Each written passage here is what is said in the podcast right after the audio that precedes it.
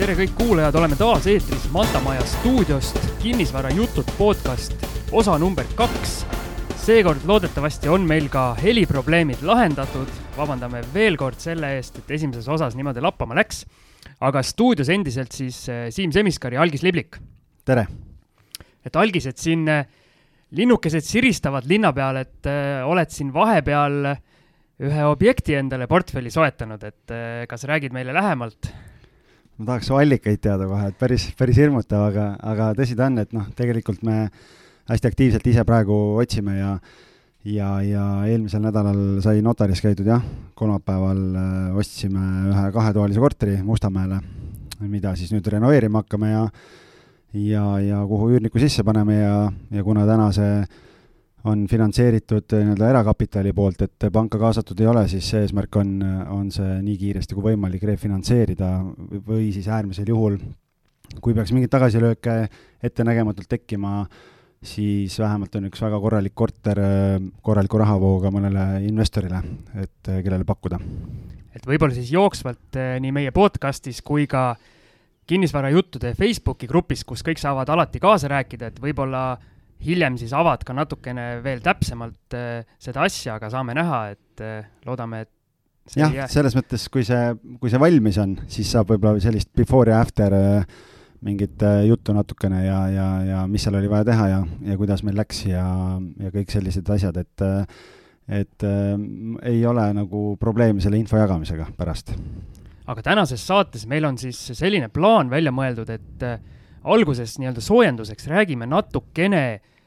lõppenud nädalavahetusel peetud kinnisvaraseminarist, kus äh, algis sinagi üles astusid, et saad meile täpsemalt rääkida, millest sina rääkisid ja millest üldse, üldse seal äh, seminaril räägiti ja mis need äh, või millised tuuled meil hetkel siis kinnisvaras ekspertide arvates puhuvad. ja siis saate põhiosas on meil ette valmistatud kaheksa punkti, miks peaks või miks võiks kinnisvarasse investeerida jah, tegelikult oli äh, see Karin Vinkeli ja Jaak Roosaare poolt korraldatud kinnisvaraseminar toimus siis üheksandat aastat ja ja selline mõnus üle sajapealine seltskond oli koos ja ja, ja seal on alati hästi mõnus feeling ja, ja saab network ida inimestega ja selline hästi tore ja mõnus koht, nii et järgmine aasta on juubeliaasta, et ootan huviga juba. et äh, tegelikult oli hästi põnevaid teemasid äh, väga erinevatest äh, noh, nii-öelda vaatenurkadest, et äh, kõigepealt rääkis Tõnu Toompark sellest siis, mis äh, kinnisvaraturul äh, on toimunud nii-öelda, kuidas oli äh, koroona eel, mis toimub praegu, ja, ja noh, tegelikult positiivsena jäi kõlama see, et et kõige hullem või mustem stsenaarium ei realiseerunud, et kui kevadel see olukord tuli, siis räägiti, et noh, sügisel on täielik kollaps ja, ja kõik kinnisvarahinnad kukuvad mühinal, et tegelikult täna see veel realiseerunud ei ole ja, ja seal ka järgmistes ettekannetes tegelikult koorusid need põhjused välja, et et üks osa tegelikult noh, oli ka see, et Tõnu Toompargi jutust tuli ka välja seal see, et eh, noh, uusarenduste osa, osa, tehingute osakaal on olnud kõrge viimastel kuudel, et noh, need on sellised tehingud, mis on juba varem kokku lepitud ja, ja nüüd realiseerusid. ja teistpidi tegelikult, kuna ka LHV esines äh, hiljem ja rääkis sellest, et kuidas nemad siis on teinud ja, ja kuidas nemad turgu näevad, siis tegelikult ka see, et kuna pangad leppisid kokku kokku äh, sellises äh, suhteliselt nii-öelda ühesest strateegiast, kõik see maksepuhkused ja kõik see pool, et see tegelikult aitas nii-öelda äh, natukene leevendada seda, seda olukorda, et okei okay,, nüüd maksepuhkused hakkavad läbi saama ja eks siis ole näha, mis nagu, mis nagu saab, aga tegelikult nii-öelda suurem katastroofi ära ja isegi seal LHV esindaja ütles, et noh, kohati tegelikult oli, oli selline olukord, kus inimesed reageerisid üle et nad isegi noh, selles mõttes nagu nõustasid ise ka kliente ja, ja, ja kui oli ikkagi vähegi võimalik, siis nad ütlesid klientidele, et ärge võtke seda maksepuhkust, et noh, tüüpiline reaktsioon, mitte tüüpiline, aga noh, et oli ka, er-, esines sellist reaktsiooni, kus klient oli helistanud ja öelnud, et, et noh, et, et nüüd on selline jama majas, et noh, meil on maksepuhkust vaja, siis küsiti, et noh, kas teil on, kas te olete töö kaotanud? ütles, et ei ole kas abikaasa on töö kaotanud, ütles, et ei ole, siis ta ütles, et aga siis teil ju tegelikult midagi muutunud ei ole, et noh, et lihtsalt sellepärast, et maksepuhkust võtta ei ole nagu vaja võtta. ja mis veel nagu positiivne oli, oli selle LHV sõnumis, oli see, et, et kui noh, räägiti sellest, et need, kes maksepuhkust või võtavad või, või kelle tööandjad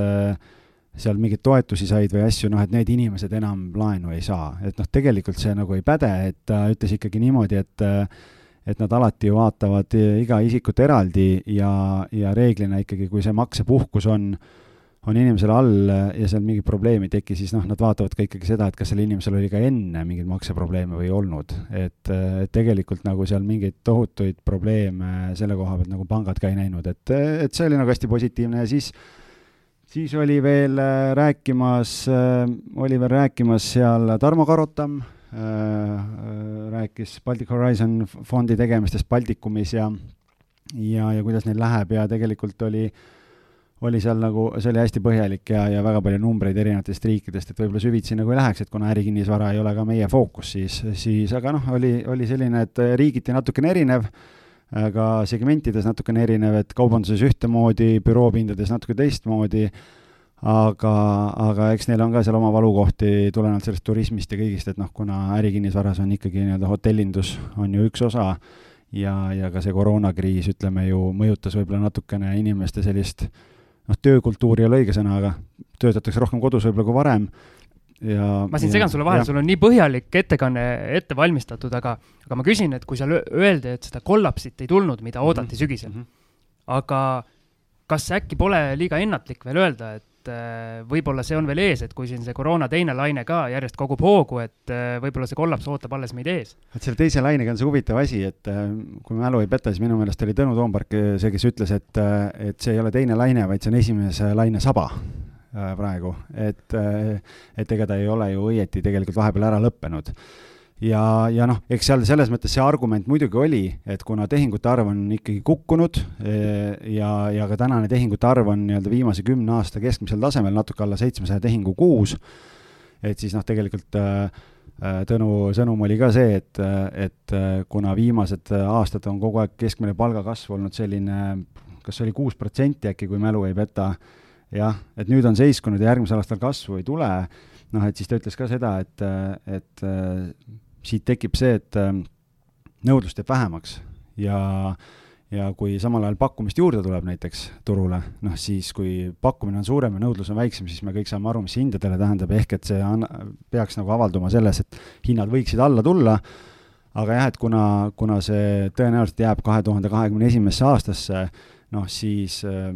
saame samamoodi siin spekuleerida jälle, nii nagu kevadel spekuleeriti, et mis saab, ma arvan, et kui me kuue kuu pärast tagasi vaatame, siis oleme targemad. aga mul on äh, selline nii-öelda kogemuslik äh,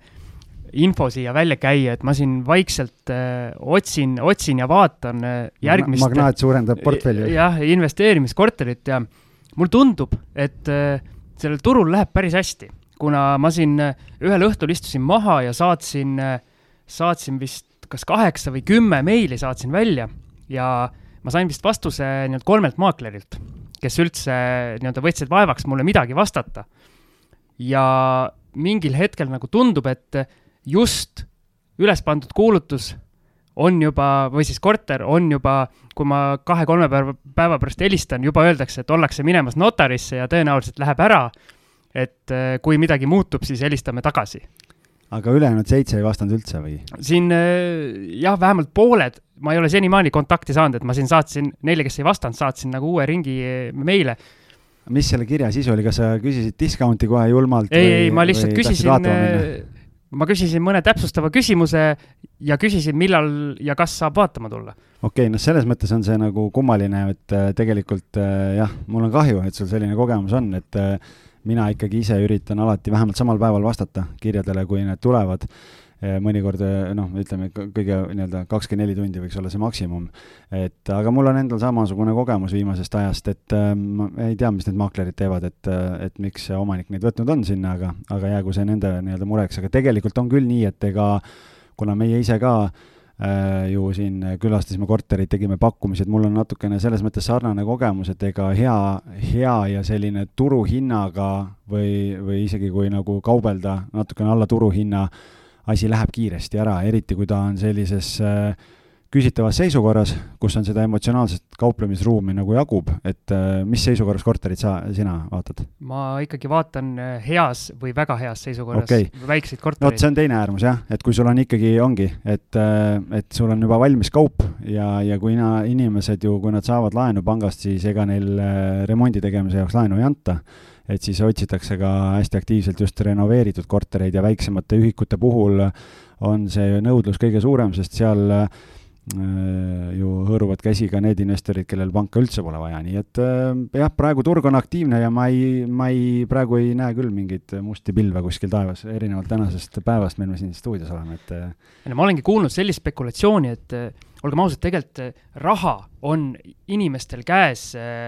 meeletult palju, rohkem ilmselt kui, kui kunagi varem ja see raha otsib mingit, mingit kohta et siin börsid said selle nii-öelda koro-, koroona alguses said hirmsa litaka mm., aga taastusid sealt päris hästi. aga ikkagi nii-öelda investoritel on vaja see raha kuskile parkida ja ikkagi kinnisvara on selline, pigem selline nii-öelda aeglasem ja rahulikum varaklass ja võib-olla see voolab nüüd sinna. jah, no seda räägiti tegelikult ka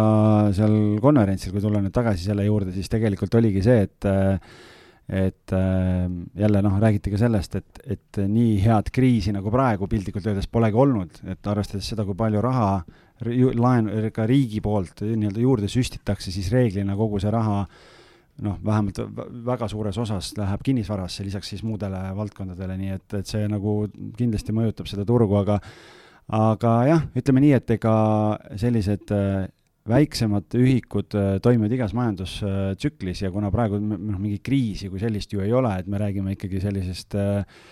mingist haiguspuhangust, on ju, noh, siis, siis ma ütlen jah, et, et kui mingi sobiva asja leiad, siis tuleb ikkagi reageerida ja tegelikult äh, see on hästi huvitav märkus, mis sa ütlesid, meil täpselt selline kogemus, et kui liiga kauaks omanik jääb mõtlema või maakler ei reageeri,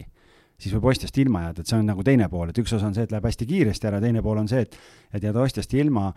et äh, me käisime ühte korterit vaatamas mm,, tegime pakkumise, mõnus asukoht, äh, hea planeering, kõik, kõik paigas, vajab kõvasti remonti. ja tegime omanikule pakkumise ja omanik ütles, et ma võtan mõtlemisaja. see, niikaua kui tema mõtles, me käisime, ostsime selle teise korteri ära. ja siis ta kirjutas, et okei okay,, ma olen nõus, et, äh, et võime edasi liikuda noh, ja siis ma pidin talle vastama, et sorry, aga, aga me praegu panime, investeerisime ära. ja nüüd ongi küsimus selles, et ma tegelikult olen viimased paar päeva siin just ka enne, enne siia stuudiosse tulekut siin äripartneriga vahetasime meile ja, ja helistasime ja tegime kalkulatsioone, et, et kas me ostame selles mõttes, et, et, et, et kas me nüüd oleme valmis minema ja kust me selle raha siis leiame ja kui me ise ei leia, siis äh, kui keegi juhtub seda saadet kuulama praegu siis ja kellelgi on äh, soovi selline hea renoveeritud korter saada endale, kus äh, tõenäoliselt suudame isegi seitsmeprotsendise tootluse tekitada, siis võib ühendust võtta ja, ja räägime natukene lähemalt.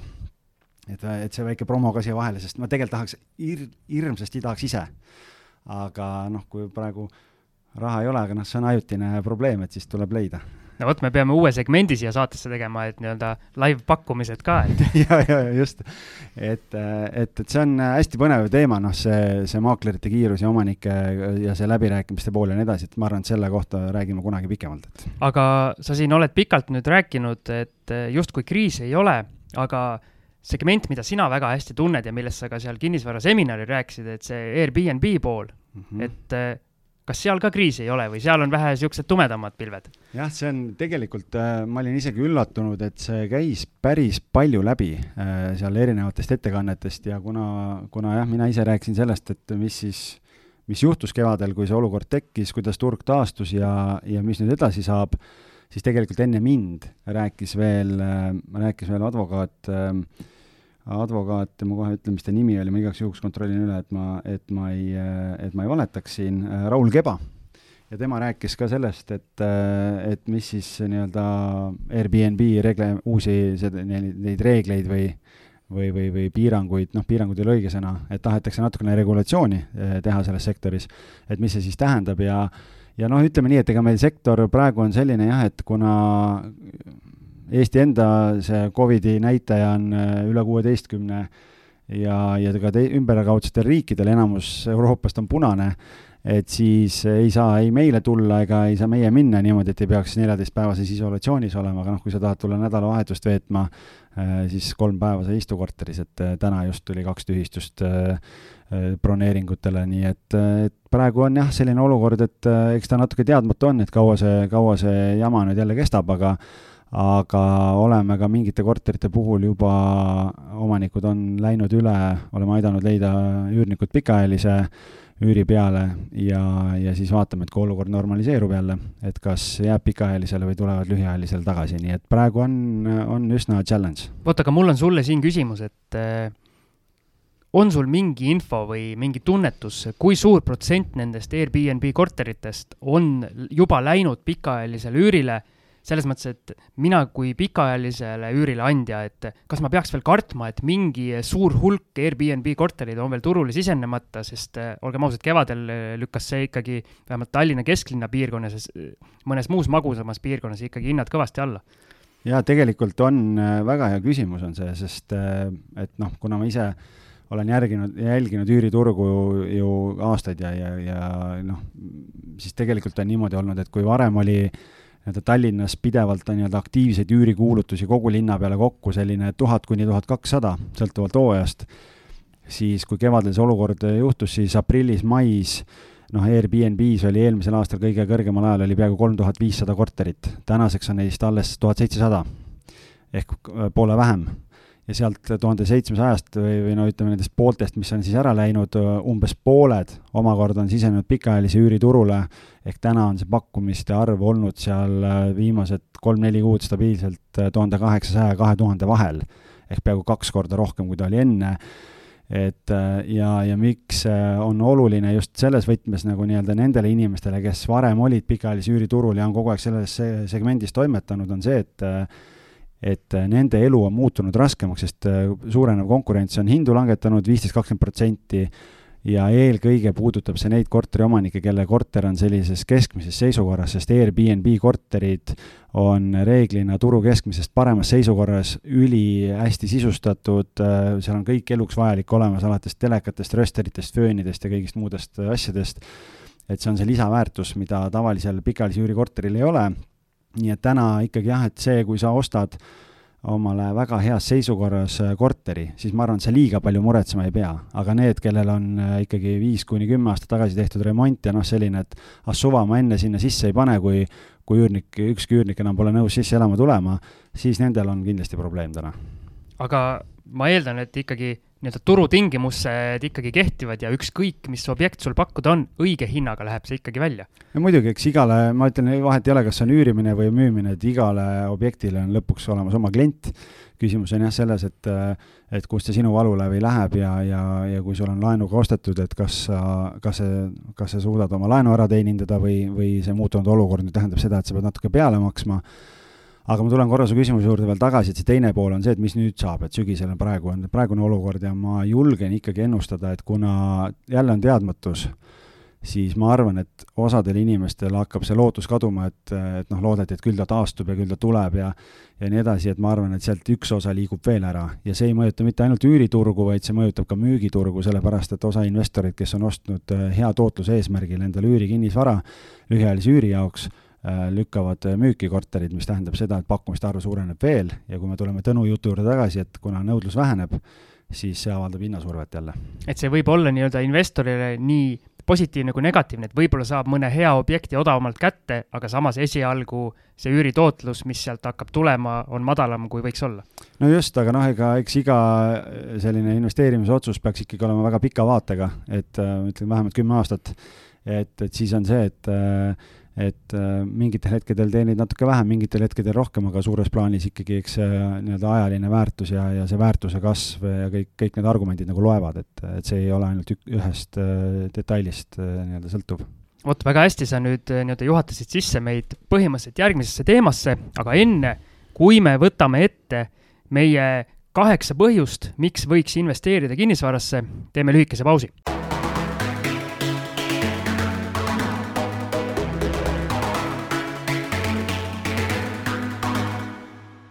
ja kinnisvarajutud episood kaks on meil tagasi eetris. nagu varem öeldud sai, siis nüüd meiepoolsed kaheksa põhjust, miks võiks investeerida kinnisvarasse, sai äh, need kirja pandud äh, saateks ette valmistudes ja juba kuulajatele veidi ette ära öeldes, siis äh, kõigepealt algis siis käib välja selle omapoolse nii-öelda positiivse programmi, mis me arvame, et äh, võiks äh, investoritele oluline olla. Ja siis mina natukene mängin sellist äh, nii-öelda kriitikut ka ja mul on ette valmistatud Diletant, just, et üks valmistatud ette selline, selline küsimus,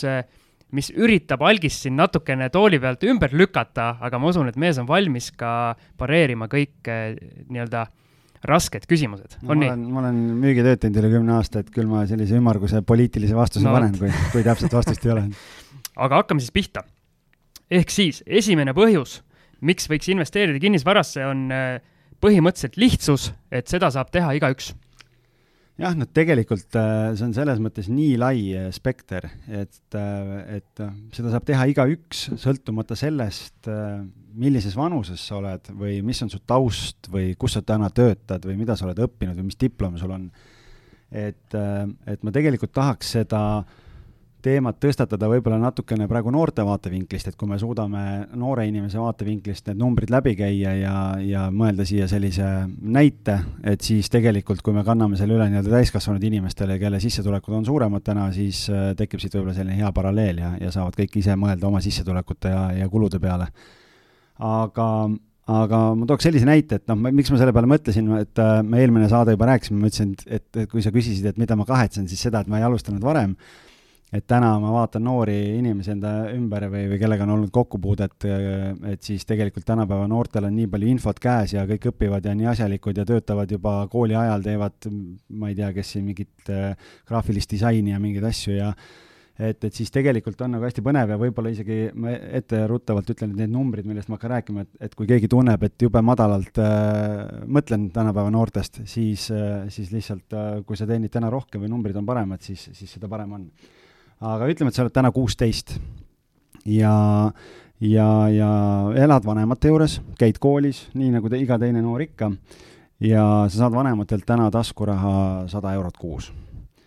Noh, kuna sa oled ambitsioonikas ja, ja käid aeg-ajalt juhutöödel, keegi käib kuskil mingit äh, catering'is või, või kuskil mingeid asju tegemas, keegi, nagu enne ütlesin, tegeleb, ma ei tea, hobi korras fotograafiaga, pildistab sõpru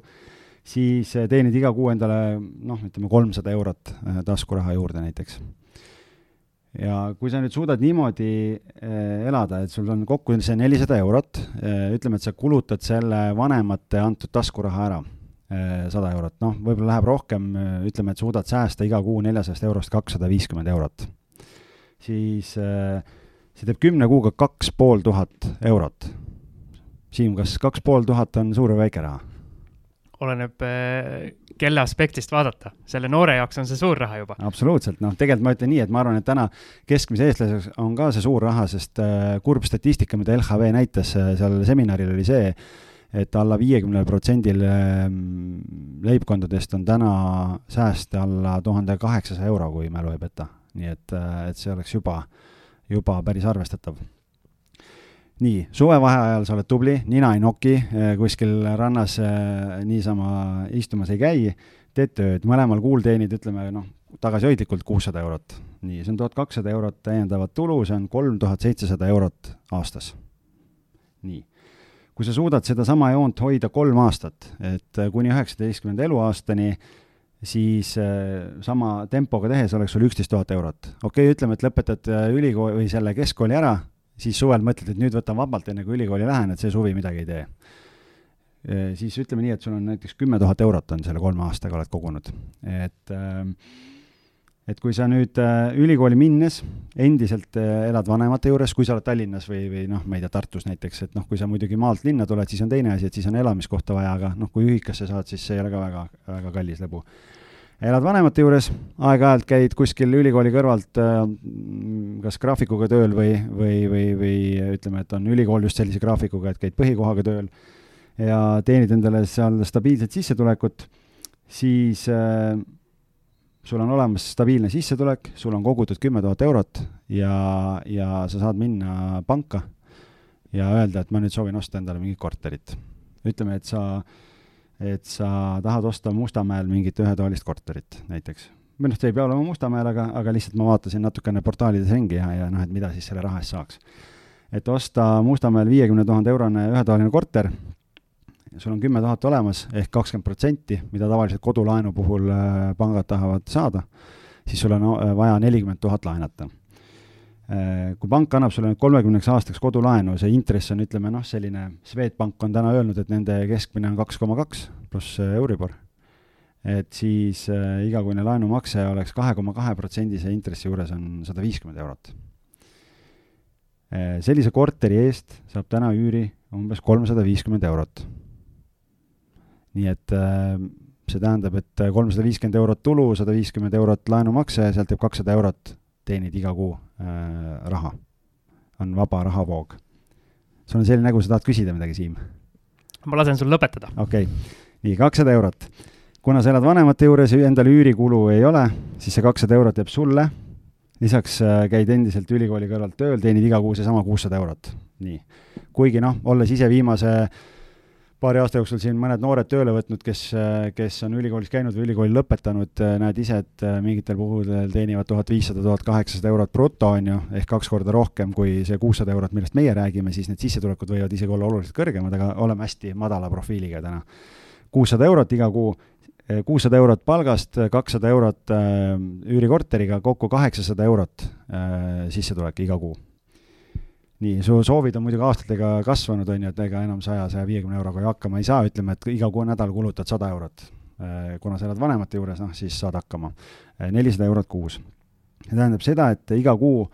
jääb sul alles nelisada eurot, et kui su sissetulek on kaheksasada eurot ja sa säästad nelisada eurot, siis sa oled viiekümne protsendi klubis, millest Jaak Roosaare on hästi palju rääkinud, on ju, ja, ja, ja siin ka teised, kes siin investeerimisblogisid äh, peavad siis äh, kui sa säästad igal kuul nelisada eurot, siis aasta peale on neli tuhat kaheksasada eurot. see on juba päris arvestatav äh, tulemus. kahe aasta pärast ehk kahekümne ühe aastasena on sul sellise tempoga olemas kümme tuhat eurot. ehk sul on võimalus pangalt uurida jälle, et kas ja millistel tingimustel sa saad oma teise korteri ostmiseks laenu. nii et, äh, et see on nagu selline lihtne etapp sellest, kuidas kuidas võiks teoorias paari aastaga jõuda esimese korterini, kui su sissetulekud täna on suuremad, äh, et, et kui sa isegi elad näiteks ise täna üüripinnal kolmsada, nelisada eurot maksad, aga teenid tuhat kakssada eurot, äh, noh, siis, siis need numbrid on jällegi oluliselt nagu teised, aga sul on äh, nii-öelda võimalus säästa ja võib-olla saada ka kiiremini, võib-olla saad aastaga, võib-olla saad kahega aga meie näite puhul siis oli esimese korteri ostmine kolm aastat. kuidas see tempo tundub sulle, Siim, ja see mõttekäik üldse? no mis mu nii-öelda vastuväide või vastuküsimus sulle ongi, puudutabki ilmselt seda tempot just, et eh, kas ikkagi kinnisvaral see alustamislävi ei ole liiga kõrge, et eh, teistel varaklassidel oluliselt kiiremini kui kahe aasta või viie aastaga saab juba midagi teha, et saab ühisrahastusse esimesed eh, eurod sisse lükata, saab aktsiaid osta, eriti kui nüüd veel nii-öelda need äh, haldustasud äh, nulli viidi. kindlasti on võimalusi ja tegelikult ega kui, kui seda mõttekäiku mõelda, ega muidugi, et ega see, kui sul see iga kuu kogud seda kahtesadat eurot sinna pangakontole, et ega ta sul seal täiendavat intressi ei teeni, et, et seda raha saaks tegelikult veel kasvatada ja kiirendada, kui kui paigutada ühisrahastusse või, või, või, või kuskile nii-öelda erinevatesse finantsmehhanismidesse, aga noh, seal on jällegi täiendav risk on ka olemas, et ükski investeerimisotsus ei ole ju ilma riskita, nii et eks igaüks peab enda jaoks läbi mõtlema, kui palju ta tahab, jaksab ja soovib uurida ja, ja millised varaklassid teda ennast kõnetavad, aga kuna me täna räägime puhtalt ainult klapid peas kinnisvarast, siis ma tõin lihtsalt näite sellest, kuidas ainult säästmisega äh, nii-öelda äh, proovida, aga tegelikult jaa, äh, võib proovida võimendada või kiirendada mingeid äh, muid mehhanisme kasutades ka. aga kui natuke nalja teha, siis kõrvaklapid on minul peas ja sinul on silmaklapid. mul on silmaklapid, roosad prillid on ees. aga tegelikult, mis ma tahtsin siia juurde, juurde lisada, ühe sinu sellele mõttekäigule võib-olla natuke vürtsi andva mõtte, et mis sa arvad sellisest variandist, kui nüüd see kuueteistaastane noor läheks oma ema-isa juurde, teeks korraliku nii-öelda äriplaani, ütleks, et kallid vanemad, mina tahan oma tulevikku hakata juba nüüd kindlustama, minul on selline äriplaan, teie laenate mulle selle sissemaksuraha kümme tuhat eurot, mina ostan sellega endale üürikorteri, võtame pangalaenu juurde ja mina hakkan teile juba selle sissemaksuraha hakkan ka nii-öelda laenule tagasi maksma mis sa sellest mõttest arvad? kusjuures see on hästi huvitav, sest ma siia sõites mõtlesin just selle peale, et tegelikult see, et, et mitte oodata, siis kindlasti tasub kõigepealt äh, rääkida vanematega äh, noorena, aga, aga teistpidi ka see, et, äh, et ma ütlen, ma panen siia veel omakorda õli juurde siia tulla, et et tegelikult ei pea mõtlema noor, ainult noore inimese kontekstis, kui sa oled täna kakskümmend, kakskümmend viis, vahet ei ole. et me tegelikult kümme aastat tagasi istusime sõpradega ka laua taga ja mõtlesime, et noh, üksinda on jube kaua võtab aega ja jube keeruline, et paneme paneme igaüks iga kuu mingi X sada eurot, äh, nimetame seda siis mingit fondi või OÜ-d või kuhu iganes me seda raha kogume, ja ostame siis kamba peale kokku, et tegelikult võtta kaks-kolm sõpra ka, pange igaüks iga kuu sada eurot, kakssada eurot ja tegelikult saate oluliselt kiiremini juba ja, ja, ja hakata ühist portfelli kasvatama, nii et neid võimalusi on erinevaid, lihtsalt selle mõttekäigu loogika oligi see, et inimesed mõtleks nagu lahenduste peale ja selle peale, kust seda raha hakata tekitama, et ma ise kõige parem e eeskuju muidugi selle koha pealt ei ole, sest äh, et mul on alati seda, noorena seda finantskirjaoskust oli vähe ja, ja nüüd õnneks tundub, et natukene hakkab tulema, aga, aga noh, endal tuhka pähe raputades oleks võinud neid samu asju ju teha ja ja täna oleks võinud oluliselt teine olukord olla, aga oleksid ei maksa, nii et, et täna on hea rääkida, nii et ise nüüd saab neid samu samme kasutades teha täpselt neid samu tegevusi. ma arvan, et meie, meie kuulajad on rahul, et sa seda ei teinud, muidu sa oleks kuskil Soojamaa saarel ära ja seda podcast'i ei eksisteeriks üldse jah, see on, see on täitsa võimalik, sest arvestades tänast eh, seda kõrget iga juba, on ju, noh, siis, siis oleks juba väga palju jõudnud ära teha. aga mis eh, meie jutust ilmselt siis välja koorub, on see, et eh, isegi kui sa ei ole selline keskmist Eesti palka teeniv inimene ja nii-öelda pankade mõttes ideaalne, ideaalne klient laenu mõttes, siis tuleb hakata võib-olla kastist välja mõtlema ja need võimalused lebavad igal pool maas just, ja tegelikult, kui sa mõtled veel selle peale ka, et äh, me rääkisime praegu Tallinna kontekstis, aga kui me räägime nii-öelda Tallinnast väljapoole, siis see sisenemisbarjäär on ju oluliselt madalam, oled sa täna Rakveres või, või Pärnus või Võrus või kuskil, siis seal on nagu korterihinnad oluliselt teised, jaa, sissetulekud on ka teised, aga ka üldine nii-öelda kulude hulk eh, ja ahvatlused, millele raha raisata, on väiksemad, nii et on, kui on nagu motivatsiooni ja eesmärk on olemas, siis tegelikult see sisenemisbarjäär on madalam ja, ja tihtipeale ka tootlused on paremad, nii et, et seal on jällegi see, see nii-öelda tulemus selle võrra kiirem tulema. Aga lähme nüüd sammu edasi, et punkt number kaks, miks võiks kinnisvara suunas investeeringu plaanis vaadata? Seetõttu, et see on lihtne ja arusaadav ja nagu sina oled siia juurde lisanud, ei pea olema tuumafüüsik. Jah, no ma ise loodan, et see eelmine mõttekäik oli selline jälgitav ja, ja lihtne, et noh, tegelikult on ju noh, hästi lühidalt kokkuvõttes seda ongi see, et äh, sul on lihtsalt vaja piisavalt raha koguda, et osta esimene korter, üürida see korter välja ja see hakkab sulle teenima raha. lihtne, loogiline ja arusaadav ja käegakatsutav äh, selline reaalne asi aga ma viskan kohe sulle sellise vastuküsimuse siia letti, et eh, kui ma nüüd noore inimesena, kuueteistaastasena või kaheksateistaastasena, vahet ei ole, lähen eh, mingit korterit ostma, kas mul ei pea olema spetsiifilisi teadmisi, et hinnata selle eluaseme ehituskvaliteeti näiteks või siis, või siis asukohta, et kas üldse mõni üürnik tahab siia tulla, kus ma need teadmised võtan? jah, sellepärast on tegelikult hästi hea ikkagi äh, noorena võtad äh, kaasa kas siis äh, ema-isa või, või kellegi või, või alati saab ju küsida tutvusringkonnas, et keegi teab ikka kedagi, kellel mingis valdkonnas on kogemus olemas ja loomulikult noh, see on väga hea, mulle selline suunatud küsimus meeldib, et noh, tasub pöörduda mõne kinnisvaramaakleri poole, kes, kes aitab, on ju, ja, ja tegelikult, mis ma veel soovitan ostmise puhul äh,, et äh, ma arvan, et selle kohta võiks täitsa ka eraldi, eraldi saate võtta, kus me räägime sellest, et, äh, et ka ostueelne selline ehituslik kontroll on hästi oluline ja täna on olemas ettevõtted ja teenusepakkujad, kes, äh, kes saavad selle koha pealt aidata, et sa ei pea ise mitte midagi teadma, sa maksad võib-olla mõnisada eurot, tuleb spetsialist kohale, teeb väga põhjaliku kontrolli korteris ja paneb kirja kõik puudused või, või nii-öelda ohud, millega sa peaksid arvestama, et mis sind võib ees oodata. Ja, ja siis äh, see paarsada eurot maksta on odavam, kui pärast tuhandetesse eurodesse nii-öelda ulatuvat kahju hakata lappima siin on õnneks koht, kus ma saan ka nii-öelda omast kogemusest natuke kaasa rääkida just selle lihtsuse ja arusaadavuse koha pealt, et äh, nagu sina ütlesid, et sa mõtlesid äh, tükk aega või oled kogu aeg mõelnud, et oleks võinud varem alustada selle investeerimise asjaga, siis minul oli täpselt samamoodi, et mina olin julgelt juba kolmkümmend vist, kui ma selle tee jalge ette võtsin. kunagi ma ei teadnud nendest rahaasjadest mitte midagi ja mina alustasin muidugi nii-öelda ühisrahastusest ja börsidest, mis äh, ütleme nii, et on küll lihtne alustada, aga ega seal peavad olema ka väga spetsiifilised teadmised, eriti näiteks aktsiabörsidel, kuidas sa neid majandusaru, majandusaruandeid ja neid äh, loed, et äh, vot see tundub mulle vot see on tuumafüüsika ja. jah. et olles üritanud seda asja jagada, siis äh, ühel hetkel nii-öelda kinnisvarasse sisenedes, mul tundus see barjäär oluliselt suurem, kui ta reaalsuses tegelikult oli. et nagu me vist esimeses saates rääkisime, et minust sai äh,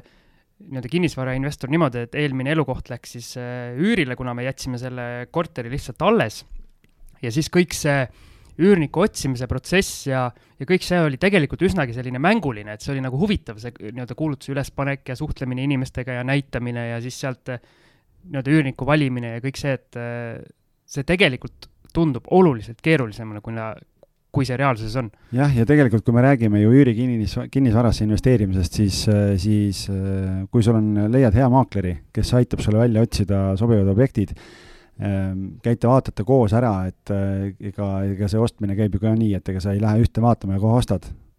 et, et ei tasu ära armuda, nii nagu Siim oma, oma korterisse ära armus, mille ta ostis, et, et tasub ikkagi vaadata. see on suurepärane korter, nii et no,. absoluutselt, ma olen nõus, ma ei ole küll näinud, aga, aga küll sa kunagi näitad mulle, et, et, et siis tegelikult on see, et kui käia, kui sa käid maakleriga piisava arvu kortereid vaatamas, sul tekib ettekujutus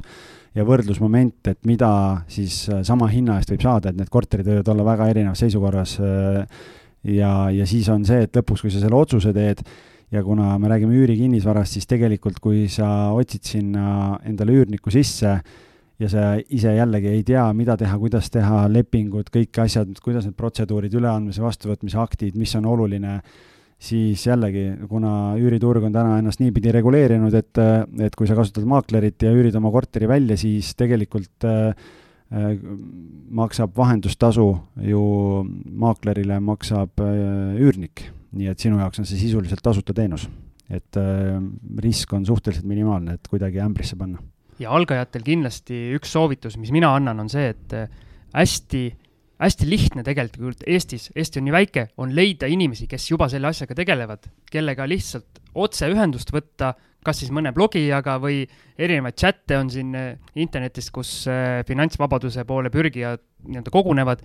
üks variant on kuulata meie podcast'i ja minna siis kinnisvarajuttude Facebooki lehele või Facebooki gruppi täpsemalt, just. et eh, seal kindlasti eh, algis on valmis kõikidele küsimustele vastama ja jaa, seal on hästi tore diskussioon juba meil läinud, nii et, et suur tänu siinkohal kõigile, kes juba seal grupis on ja, ja kaasa mõtlevad, küsivad ja, ja, ja oma kogemusi jagavad, nii et, et päris ägedasti on see asi seal käima läinud. ehk siis, kui on vaja julgust näiteks oma esimese tehingu ettevalmistamisel või üldse nii-öelda korterit vaatama minemiseks, siis, siis kindlasti kellegiga ühendust võtta, kontakteeruda ja siis on see asi palju, palju julgem. nõus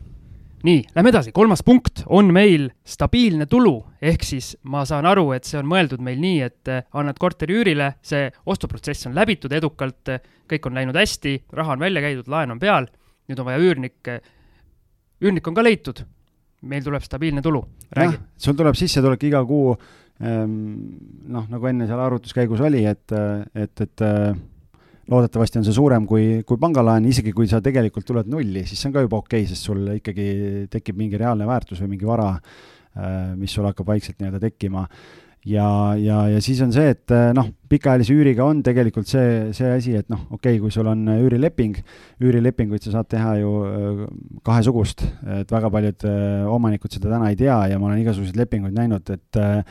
et täna tegelikult on ju kahte tüüpi üürilepingut, on kas tähtajaline üürileping või tähtajatu üürileping. Ja tähtajalise üürilepingu puhul määratakse siis kindlaks see periood, mis ajaks endale üürniku võtad. Ja, ja sealt äh, nii-öelda äh, on küll nii-öelda ühekuulise etteteatamisega võimalik seda üürilepingut lõpetada, aga mõlemad osapooled peavad sellega nõus olema. Ja kui üks osapool ei ole nõus, siis tegelikult seda lepingut lõpetada ei saa, et teine, teine lepinguvorm ongi siis tähtajatu üürileping kus on siis äh, kolmekuuline etteteatamise aeg, seda sätestab võlaõigusseadus, nii et kui kellelgi on kahekuuline etteteatamise aeg või kõik muud sellised asjad, siis äh, tegelikult tasub korra võlaõigusseadusesse sisse piiluda ja ja, ja kui on äh, lepingus mingid punktid, mis on seadusega vastuolus, siis see leping on õigustühine ja, ja seadus on alati lepinguülene, nii et võib vist öelda, et mitte leping ei ole nii-öelda täiesti õigustühine, vaid need punktid noh, just, just jah, et selles mõttes, et et, et, et, et siis, kui sul ongi see nii-öelda tähtaja, mina alati soovitan omanikel teha tähtajatuid üürilepinguid, sest mõlemad osapooled saavad ükskõik millisel põhjusel kolm kuud ette teatades üürilepingu lõpetada ja, ja siis on nii, et kui üks üürnik äh, ütleb, et ta hakkab ära minema, sa tead kolm kuud ette, siis sa saad juba hakata seal kuu aega ette otsima, kui sul on lepingusse punkt pandud, sa saad kuu aega ette otsima, hakata uut üürnikku ja noh, äh, kui hästi, hästi läheb, siis äh, auku ei tekigi, et üks kolib välja, teine kolib sisse. seal võib jääda see auk, et, et on teatud nii-öelda noh, rahavoog katkeb ja sellepärast tegelikult ongi nii-öelda kaks varianti veel, mis mulle endale hästi meeldivad, üks ongi siis lühiajaline üürimine tegelikult, kus sul on noh, tegelikult justkui peaks olema nii-öelda nagu, äh, kui me jätame selle Covidi kõrvale, sul on selline igakuine rahavoog, mõni kuu natuke vähem, mõni kuu natuke rohkem, aga aga sul reaalselt tegelikult auku tekkida ei saaks, kuigi noh, praegune olukord on ilmekalt tõestanud, et, et äh, et on ka selliseid olukordi võimalik. Ja teine,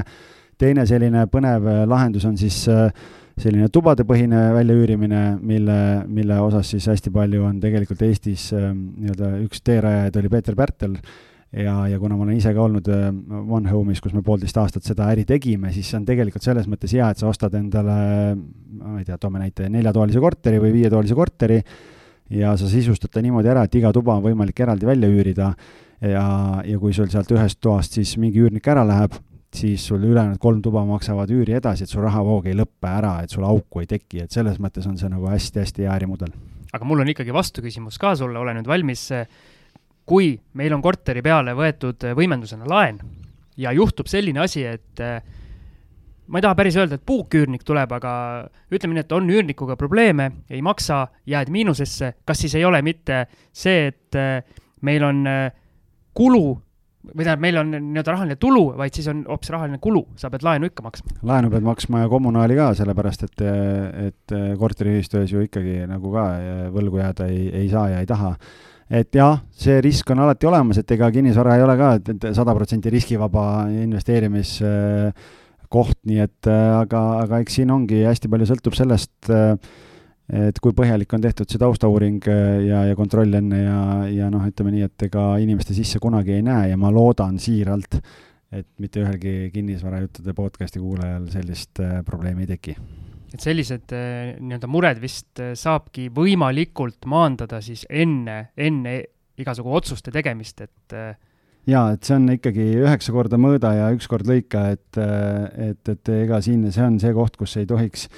ei tohiks kuidagi kiirustada või, või, või üle jala teha, et ikkagi mida rohkem infot, seda parem, et ma tean, et siin osad üürileandjad isegi küsivad äh, tööandja soovitust või, või pangakonto väljavõtet või noh, kõiki selliseid asju, aga noh, täna arvestades seda turukonkurentsi ja pakkumiste arvu,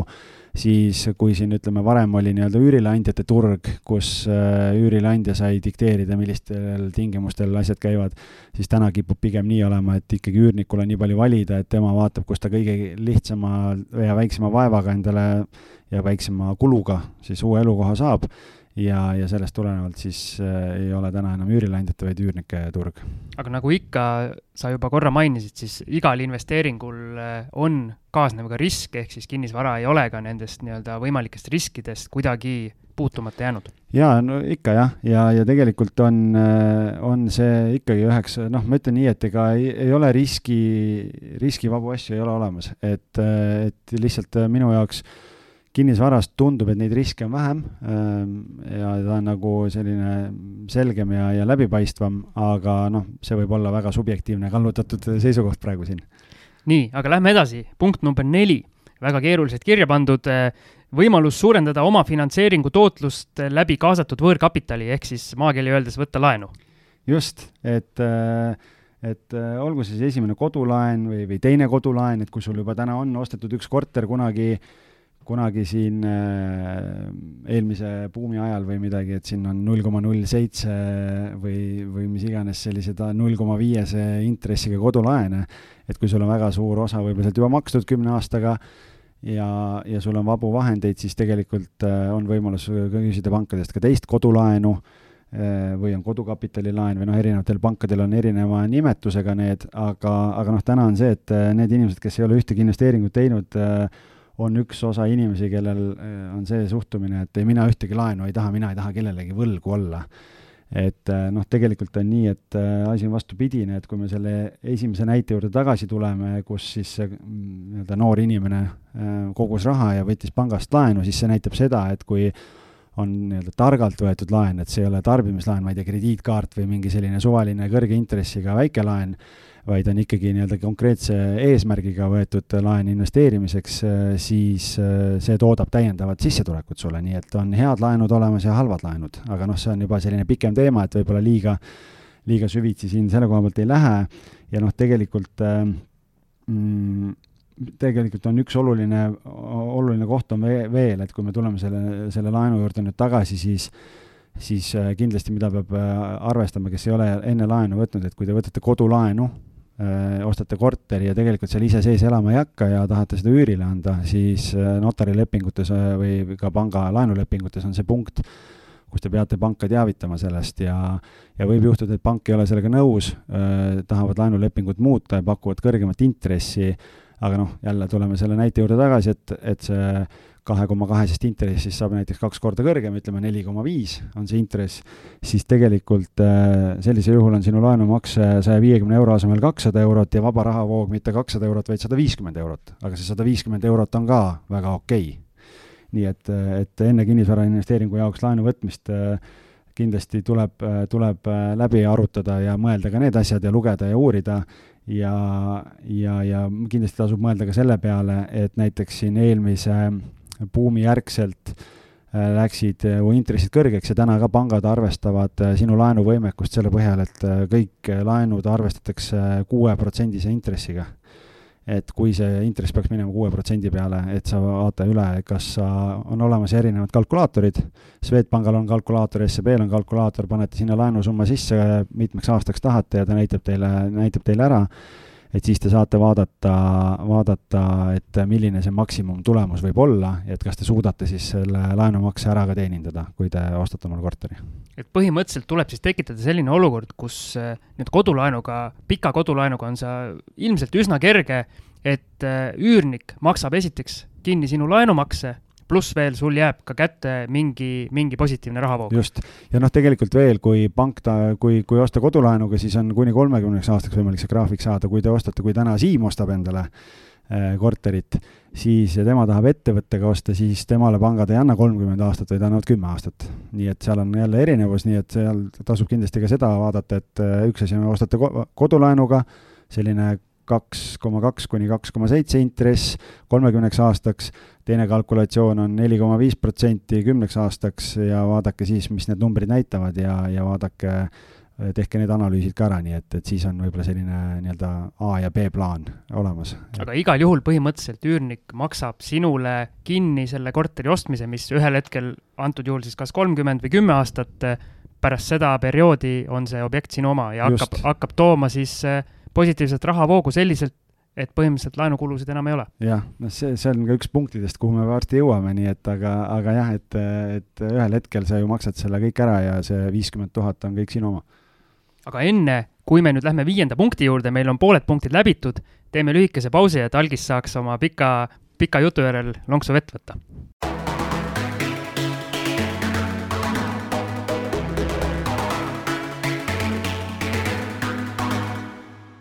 ja oleme tagasi kinnisvarajuttude podcastiga. meil on käimas siis arutelu kaheksa punkti üle, miks võiks kinnisvarasse investeerida. oleme jõudnud täpselt poole peale ja viies punkt on selline väga lihtsasti mõistetav tegelikult ilmselt. inimestel on vaja alati kuskil elada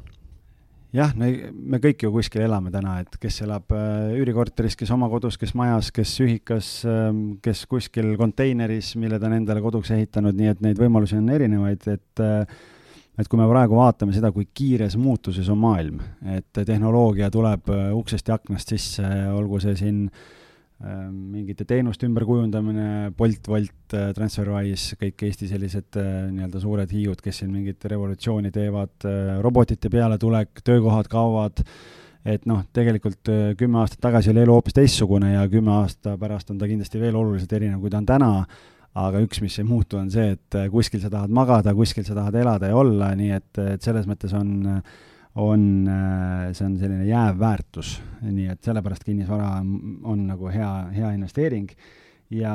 nüüd ongi küsimus lihtsalt selles, et kus need inimesed elavad, et kas nad elavad sinu korteris või, või Siimu korteris või minu korteris, et, et kuskil nad ju elama peavad ja keegi, keegi sellega täna raha teenib, kas pank või, või mõni investor, nii et et, et sellepärast on, et see noh, täna on Tallinnas hinnanguliselt kakssada kakskümmend tuhat elamispinda ja nendest äh, suurusjärk kolmandik äh, äh, prognoosid on, hinnanguliselt on siis üüripinnad ehk kuuskümmend viis, seitsekümmend tuhat. et eestlased on kogu aeg olnud seda nii-öelda omamise usku ähm, selline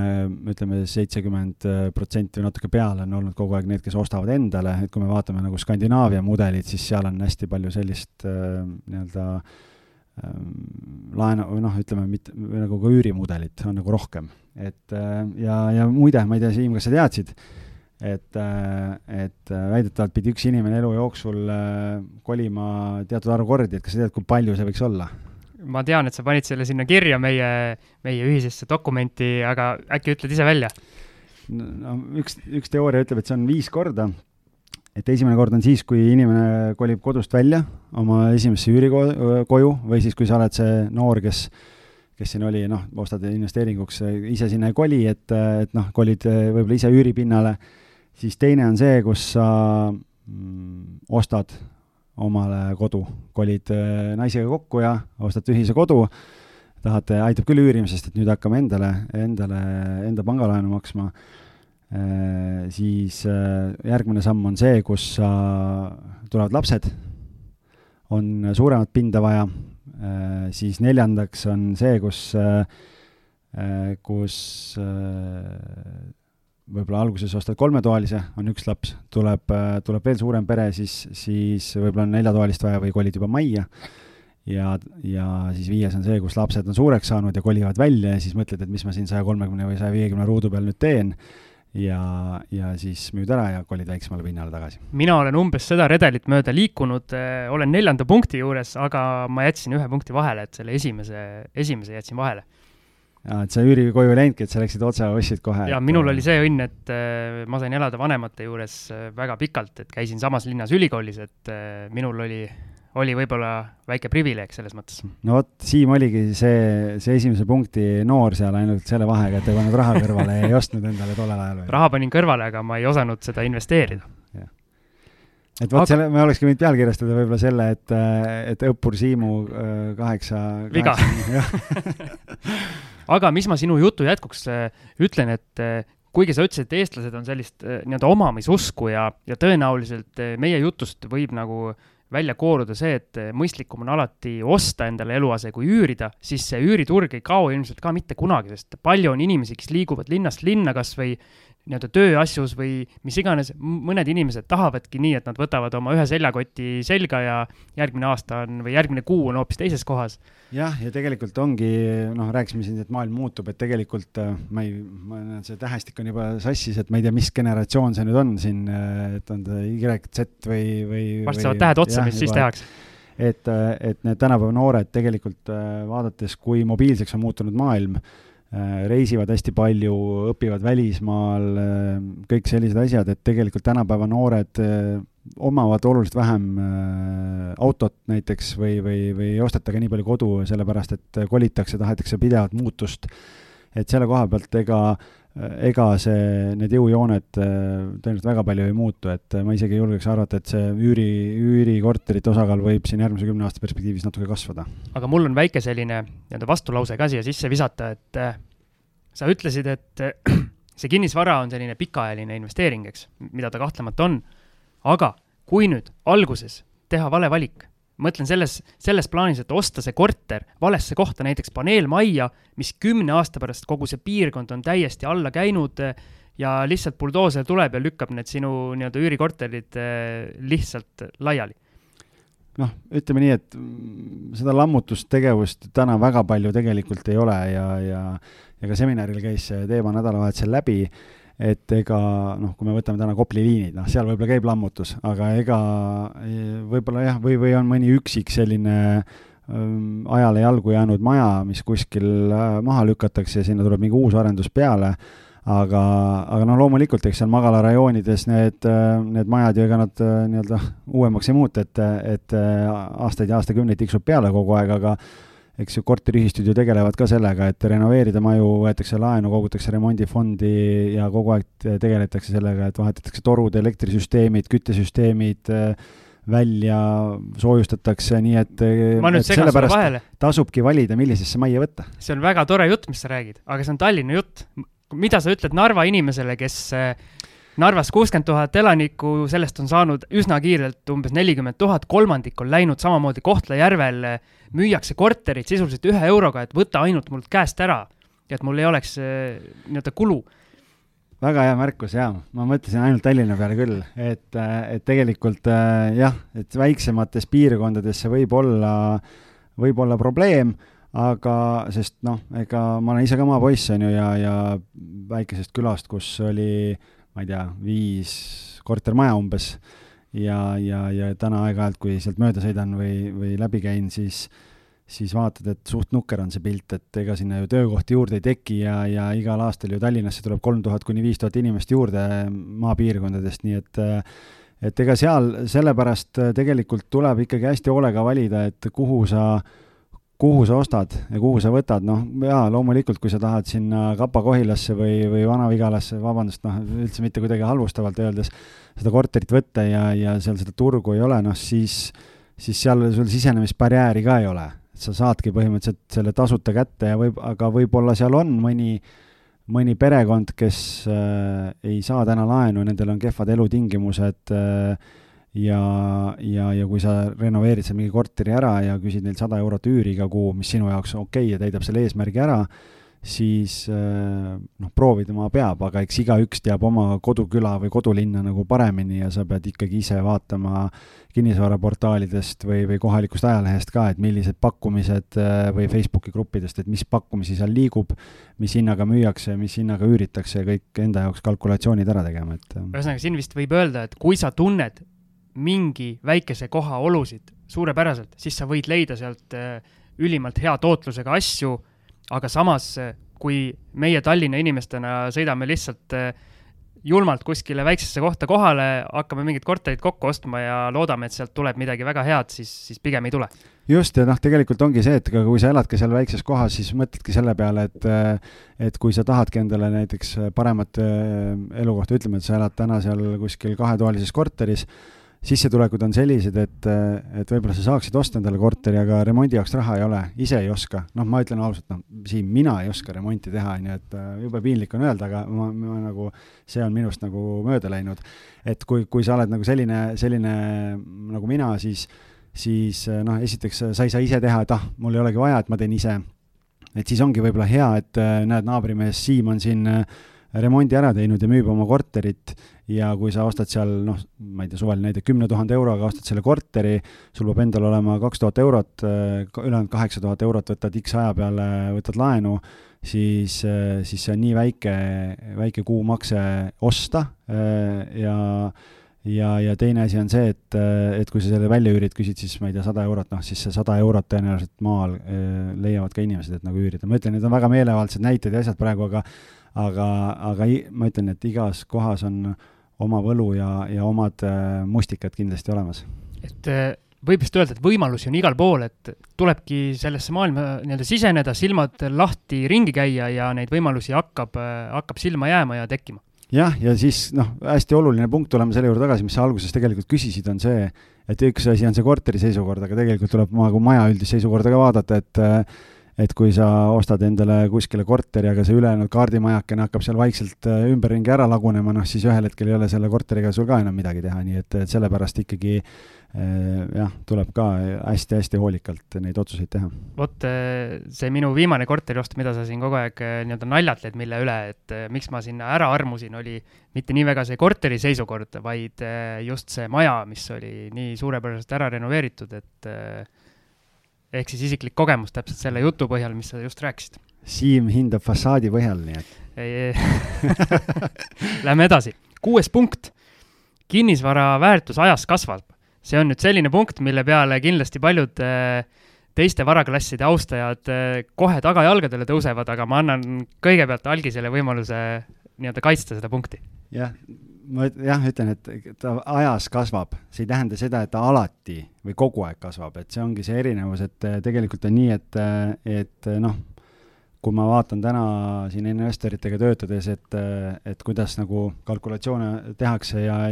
siis suhteliselt tagasihoidlikult tegelikult arvestatakse sellist isegi noh, ütleme kaheprotsendilist äh, iga-aastast hinnakasvu ainult või väärtuse kasvu, et noh, tegelikult jaa, kümne aasta jooksul tavaliselt kuskil see langus tuleb ja sealt ta jälle uuesti üles minema hakkab, aga kui me vaatame täna kinnisvara hindasid, siis äh, ükskõik millist segmenti sa noh, vaatame Tallinna kontekstis, siis igal pool maksab kinnisvara rohkem, kui ta oli kümme aastat tagasi. lisaks oled sa selle kümne aastaga ju maksnud ära päris arvestatava osa või sinu üürnik on maksnud ära arvestatava osa laenust. nii et, et, et see on kõik äh, nii-öelda äh, Äh, suhteliselt selline äh, loogiline, et äh, noh, räägime sissetulekutest, räägime inflatsioonist, kõikidest sellistest asjadest, loomulikult raha väärtus langeb, aga teistpidi, kui üürihinnad ka ajas natukene kasvavad ja vara väärtus kasvab, siis siis need kõik on nagu sellised jällegi nii-öelda moodustavad terviku, aga, aga kui sa vaatad ikkagi, ostad korteri endale kümneaastase perspektiiviga, siis ma ütleks, et noh, võib enam-vähem mürki võtta, et kümne aasta pärast ta maksab rohkem kui täna. et siin vist ikkagi kehtib see nii-öelda kuldreegel kinnisvara puhul, et asukoht, asukoht, asukoht ja mina soovitaks võib-olla alustavatele investoritele ja mille järgi ma ise juhindun, on see, et mina näiteks äh, seda väärtuse kasvu üldse endale nii-öelda võrrandi sisse ei panegi. et mina vaatan äh, puhtalt äh, selles plaanis, et kui palju sealt tuleb rahavoogu ja siis, kui palju on see laenumakse ja nii edasi, et see asukohapõhine ja kui hiljem on äh, see vara väärtus kasvanud, siis see minu jaoks on nagu boonus. just, see on hästi hea point, et mina täpselt ise vaatan samamoodi, sellepärast et äh, et sest seal on, noh, ta on natukene ju hüpoteetiline, et ta siin mingitel aastatel kasvas seitse protsenti, kuskil, kuskil kasvas kümme, mingil aastal võib-olla on ta null, miinus kaks, noh, selles mõttes, et aga, aga jah, et, et äh, li-, hästi lihtne, kõige lihtsakoelisem äh, nii-öelda tootluse arvutus või on ikkagi see, et sa arvestad ainult puhtalt vara väärtust ja, ja hetke seda, hetke vara väärtust ja hetke sissetulekut äh, ja võtad sealt. Äh, et enda jaoks, kui sa ei taha keeruliseks ajada, siis sellest täitsa piisab, nii et see, see boonus, ma arvan, väärtuse kasvust on päris tore asi aga veel isikliku kogemuse juurde nii-öelda tulles, mul muud kogemust ei ole kui isiklik ainult. see on kõige parem ju kunagi nüüd vist juba kümmekond aastat tagasi või isegi natuke rohkem, kui see suur-suur kinnisvaramull meil oli nii-öelda kõige mullimas staadiumis, siis mina ostsin endale Männikule paneelmajja, ostsin korteri. Äh, Eesti kroonid olid veel siis valuutaks, aga eurodes oli see, kui ma ei eksi, kuuskümmend neli tuhat oli, äh, oli maksumus. ja nüüd kuulutusi vaadates äh, ma arvan, et ma võin hakata müüma seda julgelt kümme tuhat kallimana võib-olla isegi natuke rohkem, kuigi vahepeal ma olen selle täiesti ise ära renoveerinud, ehk siis ma olen seda väärtust tõstnud. ja siin eh, minu väike selline vastuväide tulebki sinule, et kinnisvara puhul sa ei saa ikkagi päris passiivselt eh, seda väärtust nii-öelda kasvatada, selles mõttes, et kümne aasta jooksul, kui sa ikkagi midagi seal ei tee, ega see väärtus väga ei kasva ka. jah, sul on ikkagi amortisatsioon tekib, et, äh, et sa mingil hetkel pead sinna mingid tuhanded sisse panema ja teda uuesti värskendama, et selle koha pealt tegelikult olen, olen nõus, et äh, et selle, selle summa või selle, tähendab selle noh, see on, see on jälle, me läheme nii spetsiifiliseks, et siin on eraldi, eraldi äh, võtame nüüd mingis, mingis saates nagu fookusesse ju tegelikult on see, et kui sa teed üüritootluse arvutusi, siis siis äh, arvestad vakantsi sisse, et sa ei tee üüritootluse arvutust näiteks kaheteist kuuga, vaid teed üheteist kuuga, arvestad sellega, et üürniku vahetusega tekib väikene paus sisse või kui sul ongi vaja mingit remonti teha seal, äh, siis et noh, et kõiki, kõiki neid asju peab nagu arvesse võtma, aga noh, ja ma selle väärtuse kasvu juurde tagasi tulles, mul on hästi hea võrrelda praegu, et kui ma kaks tuhat viisteist kinnisvaraturule mm, tulin äh, ja, ja seal One Home'is töötasin, neid korterid ostsime, siis tollel ajal me ostsime neljatoalisi korterid Mustamäel nende korterite hinnad olid seal kuuskümmend, suurusjärk kuuskümmend viis tuhat. nüüd on suurusjärk sama on ühetoalistel? täna on ühetoalised sama hinnaga jah, nii et, et selle viie aastaga on päris palju juhtunud, nii et et, et see turg liigub edasi ja, ja isegi kui ta sealt nüüd vahepeal mingil põhjusel peaks natukene alla tulema, siis, siis no nii palju ta ikka ei kuku, et, et ja siis hakkab jälle uuesti üles ronima sealt. ja, ja selle hinna nii-öelda kõikumise, mis sa just välja tõid, selle kinnisvara puhul selle pluss on see, et ega kui ta sul toodab stabiilset rahavoogu, siis ega sa ju üürnikuga ei lepi iga kuu jälle uuesti üürihinnas kokku vastavalt, kuidas kinnisvara hind on äh, nii-öelda tõusnud või langenud, et põhimõtteliselt, kui sa hoiad seda pikaajalise investeeringuna, siis sa tegelikult ei panegi tähele. jah, sellepärast, et sa iga päev ei käi vaatamas, kas sul on seal seier on punases või rohelises, et, et see on jah, kinnisvara puhul käib teistmoodi, et sul on ju lepingus kokku lepitud tingimused ja ja, ja selle koha pealt on jah, ega see üürnik seal ju ei tea, kui palju sinu korter parasjagu maksab, sellepärast et eh, kui ta seda teaks või kui ta väga pingsalt neid asju jälgiks, siis ju ta ühel hetkel sealt nagunii ostab või või, või, või ise investeerib, nii et, et aga, aga üldjuhul ega nemad ei tea sellest midagi. ja selles mõttes on tegelikult hea, et meil selline koroonalitakas käis, et see näitas ära, et vahepeal oli siin kümme aastat lihtsalt täis püstloodist tõusu, et kõik läks justkui paremaks, üürid kõrgemaks, aga nüüd näidati ära, et ikkagi peab sisse arvutama ka mingi variandi, kus ühel hetkel sa ei saagi küsida enam näiteks viissada eurot üüri, vaid sa pead küsima nelisada või nelisada viiskümmend. Hmm. jah, sellepärast ongi, ongi ka tegelikult äh, noh, kui sa arvestad vakantsi sisse, arvestad äh, paar tuhat eurot kümne aasta peale näiteks äh, remondikulud, et kui sul on vaja täielikult, ma ei tea, maalritööd ära teha, võib-olla seal mingid asjad, kõik, kõik need asjad, et kui sa paned väikese puhvri endale sisse kõikidesse kalkulatsioonidesse, siis tõenäoliselt on see maandumine sinu jaoks pehmem, kui ühel hetkel mingi tagasilöök peaks tulema, et kui sa võtad kõike nii optimistlikult, kui vähegi saab, noh siis küll ühel hetkel need vitsad ka tulevad, et, et iga, elu ei ole kunagi sirgjooneline või täiuslik, et on paremad ja halvemad ajad. aga läheme edasi, meil on punkt number seitse ja siin on kirjas inflatsioonikindlus. mida sa selle all mõtled, Algis? Noh, siin on jah, tegelikult see kõlab võib-olla, võib-olla natuke keeruliselt, kes, kes võib-olla alles kaaluvad nagu alustada, aga mõte on selles, et, et erinevatelt, erinevalt paljudest teistest valdkondadest kinnisvara väärtuse muutus on pikaajaliselt inflatsiooniga võrreldav, et et, et inflatsiooni suurenedes tõuseb reeglina ka kinnisvara väärtus ja, ja seetõttu on nagu kinnisvarasse investeerimine siis äh, nagu mõttekas, noh, räägime sellest, et äh, et äh, siin saab igasuguseid erinevaid võrdlusi tuua sellest, et kuidas raha odavneb või, või, või vaadata seda, et kui palju inimesed näiteks äh, ähm, kes tahab internetis surfata, leiab kindlasti, et kui palju näiteks äh, eelmise buumi ajal, mis oli keskmine palk, kui palju oli keskmine ruutmeeter maksis Tallinnas, et kui palju nii-öelda üks inimene sai oma sissetuleku eest, mitu ruutmeetrit ta sai osta ja kuidas see suhe on täna. ehk et inimeste palgad on äh, peaaegu kahe, või noh, kaks korda ei ole, aga päris palju kasvanud viimase kümne aastaga ja samamoodi on, on kinnisvarahinnad, loomulikult igasugused teenused ja kõik asjad on ka kallimaks läinud, aga, aga need kõik asjad käivad ikkagi käsikäes, et see inflatsioon ei söö ära sinu vara väärtust. et see on nagu selle asja mõte, et äh, et selles mõttes nagu suhteliselt äh, rahulik ja lollikindel. et ma siin äh torkan jälle väikse nii-öelda isikliku kogemuse vahele, et äh, arvestades, kui ma nüüd ostsin oma selle koduks korteri eelmise buumi tipus, siis see laenumakse, mis mul oli, oli röögatu tolle hetke minu nii-öelda sissetulekutega võima-, nii-öelda võrreldes. kas sa mäletad, palju sul intress ka oli? jaa, ma mäletan, äh, kokku oli, kui ma ei eksi, siis viis koma kuus oli kõige kõrgemal hetkel. no vot, et sinna kuue, kuue kanti, noh. jah, et äh, täna on see ma ei taha öelda, see on nii madal noh, see las ta jääb. jah, aga ühesõnaga, mis ma tahan öelda, et kümme aastat hiljem see laenumakse igakuine on eh, nii naeruväärselt väike, eks ma ei pane seda tähele. nii, ja kui nüüd eh, see noor inimene võtabki eh, näiteks kolmekümne-aastase kodulaenuga, siis tõenäoliselt tal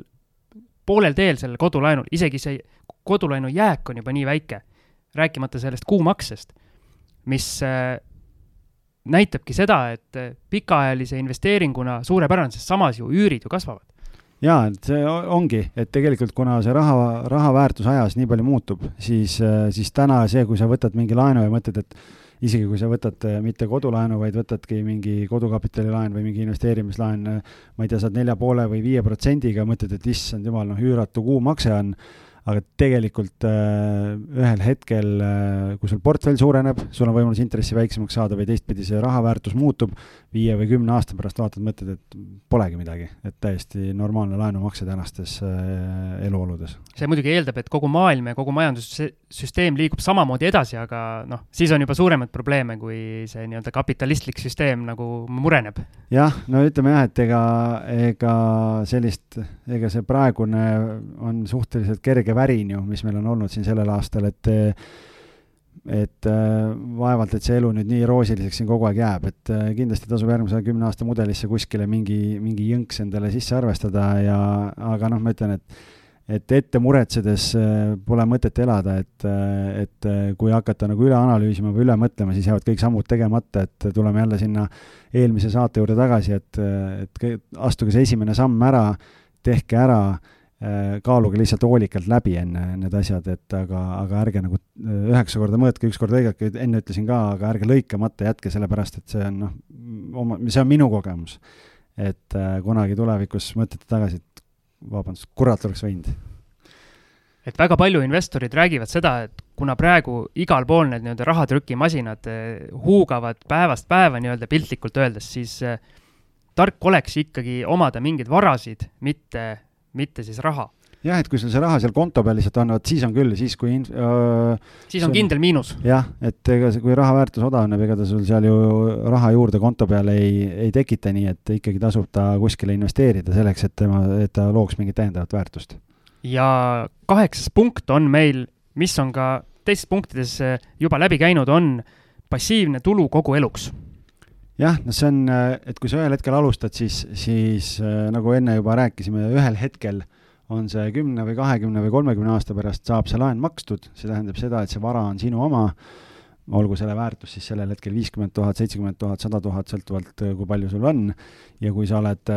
jätkanud seda mudelit, mida me rääkisime siin esimeses punktis ja iga, iga natukese aja tagant suurendad oma portfelli, siis äh, ühel hetkel on see portfell nii suur, et, äh, et äh, nii-öelda laenumaksetest ülejääv sissetulek on selline, et see katab ära sinu igakuised kulud, ehk et sa oled saavutanud selle passiivse tulu, millest väga palju räägitakse, ja, ja, ja kui ühel hetkel enam korterid juurde ei osta, eelmine kord rääkisime, et kellel on siin eesmärk sada korterit või kellel on siin kümme, et et kui ühel hetkel sul on kümme korterit olemas, mõtled, et aitab küll, ja kui ühel hetkel need laenud on makstud ja sa teenid sealt äh, neli tuhat, viis tuhat, kümme tuhat eurot ja mõtled, et aga mul rohkem polegi vaja, siis see vara on sinu oma. Ja tore on see, et, et see vara on selline, mida sa saad ju pärandada ka oma lastele ja nemad omakorda oma lastele ja nii edasi, nii et oled selline oma märgi maha jätnud, et kunagi lapsed räägivad, et vot kunagi oli vanaisa Siim oli kinnisvaramagnaat meil, kes ehitas korraliku portfelli ja muutis meie perekonna saatust äh, igaveseks. ja lapselapsed, see on hea, kui nemad saavad seda rääkida, kui, kui omad lapsed seda kõike kohe laiaks ei löö jah, no eks seal peab siis sellega ka tööd tegema, et hoidma neid käe kõrval, et nad ka õpiks ja näeks, äh, kuidas need asjad käivad, et äh, minul sellist äh, role modelit ees ei olnud, aga, aga ma loodan, et, et siis minul, äh, Siimul ja, ja, ja meie kuulajatel on see võimalus, et me saame läbi oma tegevuse ja tulemuste siis lastele ka näidata, et, et sellised asjad on võimalikud. ja, ja eks meie nii-öelda värske podcast aitab ka sellel üldisel finantskirjaoskuse levitamisele kaasa, et me küll oleme võtnud siin kinnisvara suuna, aga see on ju üks varaklassidest ja meie, meie usume. noh, teisi vara, teiste varaklasside podcast'e on ju ka olemas, nii et, et kes tahab, võib kõiki kuulata ja saab endale tervikpildi ette. sest see, kui meie siin kinnisvarast räägime, ega, ega meie ei mõtle ka, et inimene peaks nüüd sada protsenti täielikult kinnisvarale pühenduma või oma portfelli koostama ainult nii-öelda kinnisvarast, et äh, see ei ole ju meie eesmärk. ei ole jah, aga, aga me saame anda oma parimad teadmised ja kogemused edasi selleks, et, et siis selles valdkonnas teha, et et, et selle, noh, ütleme nii, et ega kõigest korraga lihtsalt ei, ei jõua rääkida ja, ja keskendume ühele asjale ja loodame siis, et sellest on võimalikult palju väärtust aga meie tänane saade ongi siin julgelt juba üle tunni kulgenud, et aeg on otsad kokku tõmmata, et saaks midagi ka kolmandas osas veel rääkida ja sealt neljandas ja nii edasi. Algis, on sul kokkuvõtteks midagi öelda? äge oli rääkida sinuga jälle, et äh, väga põnevad arutelud tekivad ja, ja selles mõttes on nagu lahe, et ega vaata, see õpetab ennast ka ja, ja, ja tekib selliseid uusi mõtteid ja, ja perspektiive mingite kohtade pealt, kust, äh, kust saab ka oma igapäevaseid tegevusi natukene kohendada aga ma lihtsalt tahtsin seda öelda, et hoia pöialt, et äh, kui kõik hästi läheb, siis selleks ajaks, kui meil teine episood eetrisse läheb, äkki õnnestub üks korter veel osta. ohoh, oh, oot-oot. et, äh, et ma siin äh, paar päeva on jäänud veel, nii et notari aeg on paigas, et. Äh, mul on tunne, et tänu sellele podcast'i alustamisele mehel kohe on käed tööd täis, et siin korterid tuleb vasakult no, ja paremalt. eks vastutus ka, vaata, ma ütlesin kohe alguses, et ma ei ole kunagi tahtnud selline targutav teoreetik olla, et et tuleb äh, huvitav tehing äh, praeguse seisuga, sest äh, müüja pool on üks vana inimene, kes ise ei, ei saa tehingus osaleda kahjuks, aga tal on nii-öelda volitatud esindaja, aga see volitatud esindaja elab Ameerikas, nii et meil tuleb kaugtõestamise teel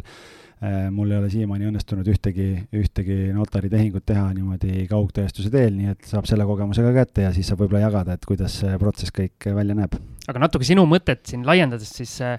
tänu sellele podcast'ile mulle on nagu äh, meeldinud see, et saab need asjad läbi rääkida ja siis kuidagi endale ka mingid asjad saavad paremini selgeks või tekib mingi nii-öelda parem visioon, ehk siis ma soovitan äkki meie kuulajatel leida mõni saatusekaaslane, investor, kes äh, mõtleb enam-vähem samamoodi või siis vastupidi, hoopis teistmoodi, et rääkige asjad läbi, saab endale selgemaks, võib-olla saad mingit tarkust juurde ja kui ei ole ühtegi sellist tuttavat, siis tulge kinnisvarajuttude Facebooki gruppi pange seal oma küsimus, pange mingi, mingi arutelu püsti ja kindlasti me osaleme seal algisega kahekesi. jaa, et noh, ja mitte ainult meie ei osale, vaid tegelikult, kes veel seal ei ole ja, ja nüüd liituvad, siis tegelikult seal on juba päris põnevaid arutelusid käimas, nii et äh, ma arvan, et põnevat lugemist jagub juba praegu äh, omajagu, nii et äh, loodame, et see see hulk seal kasvab ja, ja kõik küsimused ja tagasiside on endiselt väga teretulnud, nii et, et seda saadet me teie pärast teeme ja kui on mingeid äh, ettepanekuid teemade kohta, mida me võiksime järgmistes saadetes rääkida, siis võib julgelt seda ka tulistada, et äh, suur kummardus kõigile, et meil tegelikult Siimuga on juba päris korralik nimekiri on ees ja vaatame, et äh, kust otsast me siis läheme ja, ja, ja millal me kõik need teemad jõuame ära katta. ja kinnisvarajuttude kolmas osa siis juba kahe nädala pärast. Kuulmiseni